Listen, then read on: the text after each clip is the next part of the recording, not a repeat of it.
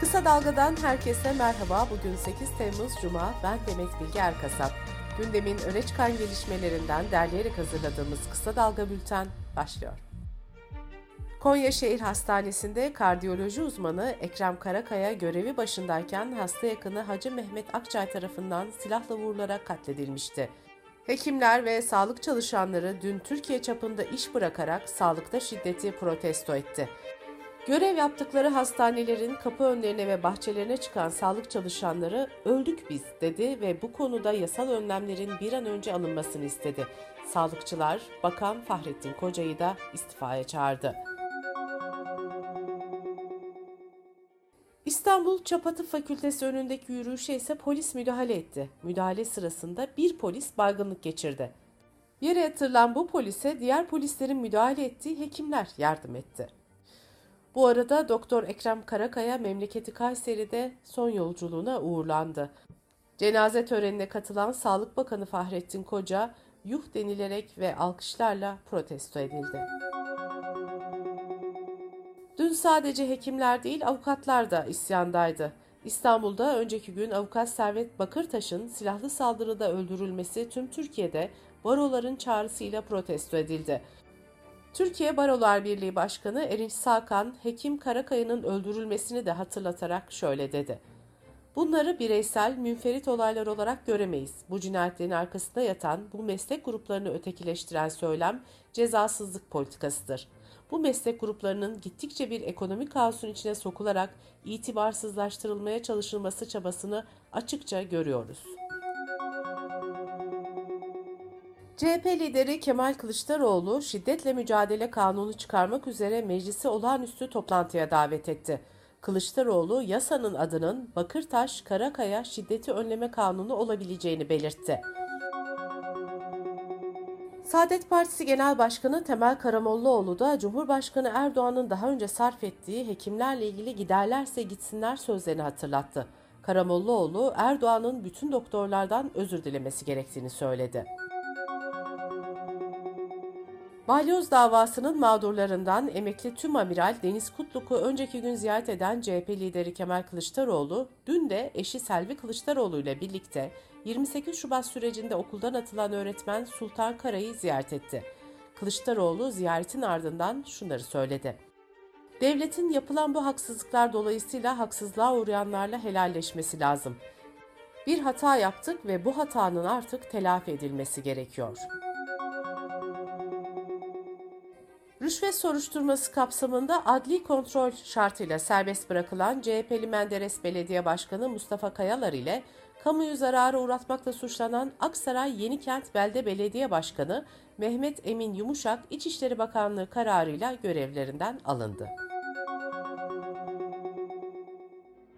Anayasa Mahkemesi Ankara'da 10 Ekim 2015'te IŞİD'in saldırısı sonucu 104 kişinin yaşamını yitirdiği katliamda yaralanan İbrahim Kambal'ın başvurusunu karara bağladı. Kanbal 2 Aralık 2015 tarihinde İçişleri Bakanlığı'na başvuruda bulunarak uğradığı saldırıda yaşadığı maddi ve manevi zararlar için tazminat istemişti. Ancak bakanlık Kambal'ın başvurusunu reddetmişti. Yüksek Mahkeme ise yaşam hakkı ihlalinin ortadan kaldırılması için yeniden yargılama yapılmasına hükmetti. Konya'da Ayşe Dırla'ya şiddet uygulayan Özgür Duran'ı öldürdüğü gerekçesiyle 17 aydır cezaevinde olan Kadir Şeker dün tahliye edildi. Şeker 12,5 yıl hapis cezasına çarptırılmış ancak bu karar Yargıtay tarafından bozulmuştu. Yeniden yapılan yargılamada Kadir Şeker'in cezası 10 yıl 10 aya düşürülmüştü. Ancak mahkemeden tahliye kararı çıkmamıştı. Avukatların itirazı üzerine Kadir Şeker hakkında dün tahliye kararı verildi. Sırada ekonomi haberleri var. Türkiye İstatistik Kurumu Haziran ayı enflasyonunu %78.6, ENAK ise %175.5 olarak açıklamıştı. TÜİK'in verilerinin güvenirliği tekrar tartışmaya açılırken sendikalardan verileri karartarak milleti açlığa sürüklüyorsunuz tepkisi gelmişti. CHP milletvekili Orhan Sümer, TÜİK'e bakanlık ya da cumhurbaşkanlığı makamından talimat verilip verilmediğini meclis gündemine taşıdı. Önergeye Hazine ve Maliye Bakanı Nurettin Nebati yanıt verdi. Nebati, TÜİK'in ürettiği istatistiklere hiçbir makam veya merciden müdahalenin söz konusu olmadığını belirtti. Ekonomik İşbirliği ve Kalkınma Örgütü'nün Haziran 2022 tarihli ekonomik görünüm raporunda yer alan tahminlere göre Türkiye'de yıl sonunda yıllık enflasyon %72 olacak. Türkiye bu oranla tüm OECD ülkeler arasında zirvede yer alacak. OECD ortalaması %8.8 olacak. Örgütün tahminine göre 2022 yılı enflasyon sıralamasında Türkiye'nin ardından ikinci sırada %60.1 ile Arjantin gelecek. OECD'nin 2023 yılı tahmini ise Türkiye için %39. Türkiye 2023'te %51 ile zirvede yer alması beklenen Arjantin'in ardından ikinci sırada olacak. Alışverişlerde fatura ve fiş vermeyenler için uygulanan cezalarda caydırıcılığı arttıracak yeni bir düzenleme yürürlüğe girdi. Alışveriş sırasında fiş verilmemesi, alınmaması veya alışveriş tutarından farklı bir tutarda fiş veya fatura kesilmesi durumunda uygulanacak ceza her bir belge için 500 liradan 1000 liraya çıkarıldı. Yeni düzenleme ile kayıt dışılığın azaltılmasının yanı sıra tüketicinin hakkının korunması da amaçlanıyor. Merkez Bankası haftalık para ve banka istatistiklerini yayınladı. Buna göre Merkez Bankası brüt döviz rezervleri geçen haftaya göre 553 milyon dolar düşüş gösterdi.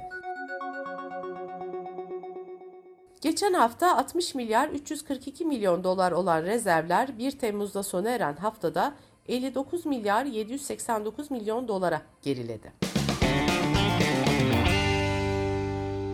Dış politika ve dünyadan gelişmelerle kısa dalga bültene devam ediyoruz. Ukrayna'dan çalındığı iddia edilen tahıllarla dolu olduğu belirtilen ve Türkiye'nin Karasu Limanı açıklarında durdurulan Rus gemisi Kiev ile Ankara arasında gerilime neden oldu. Türkiye'nin geminin ayrılmasına izin vermesini kabul edilemez bir durum olarak niteleyen Ukrayna Dışişleri Bakanlığı, Türkiye'nin Kiev Büyükelçisini çağırdı. Bakanlık sözcüsü Nikolenko, gemide çalıntı Ukrayna tahılı olduğunu savunarak Türkiye'nin geminin limandan ayrılmasına izin vermesinden ötürü üzgün olduklarını belirtti.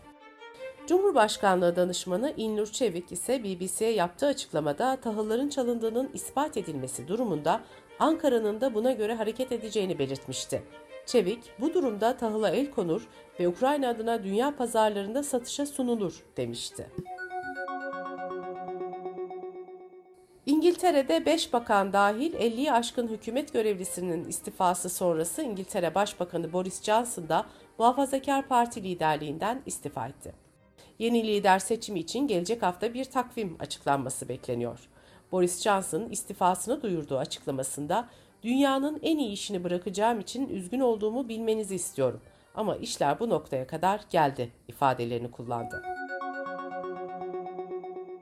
Pandemi dönemindeki içkili partilerin ortaya çıkmasıyla tepkilerin odağında olan Johnson'a yönelik son eleştirilerin temelinde ise Muhafazakar Parti'nin parlamentodaki grup yöneticisi Pincher hakkında son dönemde ortaya atılan iddialar yatıyor. Pincher hakkında çıkan taciz haberlerinden sonra istifa etmişti. Başbakan Johnson da Pincher hakkındaki iddialardan haberdar olmasına karşın onu bu göreve getirmekle suçlanıyor. Arjantin'de bir mahkeme 1976-1983 arasındaki askeri diktatörlük döneminde işlenen insanlık suçları nedeniyle 19 eski subaya hapis cezaları verdi. Federal mahkemede yargılanan bu kişiler 350'den fazla kişiye yönelik zorla kaybetme, cinayet, işkence ve çocukların kaçırılması gibi suçlardan hapis giydi. Arjantin'de kirli savaş olarak anılan diktatörlük döneminde çoğunluğu sol görüşlü olmak üzere yaklaşık 30 bin kişi kaybedildi. Ülkede bu dönemde hesaplaşma sürerken çok sayıda askeri yetkili de hapis cezalarına çarptırılmıştı. Dünya Sağlık Örgütü maymun çiçeği nedeniyle son 10 günde 2 kişinin daha öldüğünü açıkladı. Ölümler Afrika'da kaydedildi. Dünya Sağlık Örgütü'nün salgınla ilgili küresel acil durum ilan edilmesi için tavsiyede bulunması bekleniyor. Bültenimizi kısa dalgadan bir öneriyle bitiriyoruz. Türkiye bir kez daha sağlıkta şiddeti konuşuyor. Türk Tabipleri Birliği'ne göre yüzlerce hekim yurt dışına gitmek için iyi hal kağıdı aldı. Gazeteci Rengin Arslan'ın Hekimler Göçü'nü anlattığı podcast'ini kısa dalga.net adresimizden ve podcast platformlarından dinleyebilirsiniz. Gözünüz kulağınız bizde olsun. Kısa Dalga Medya.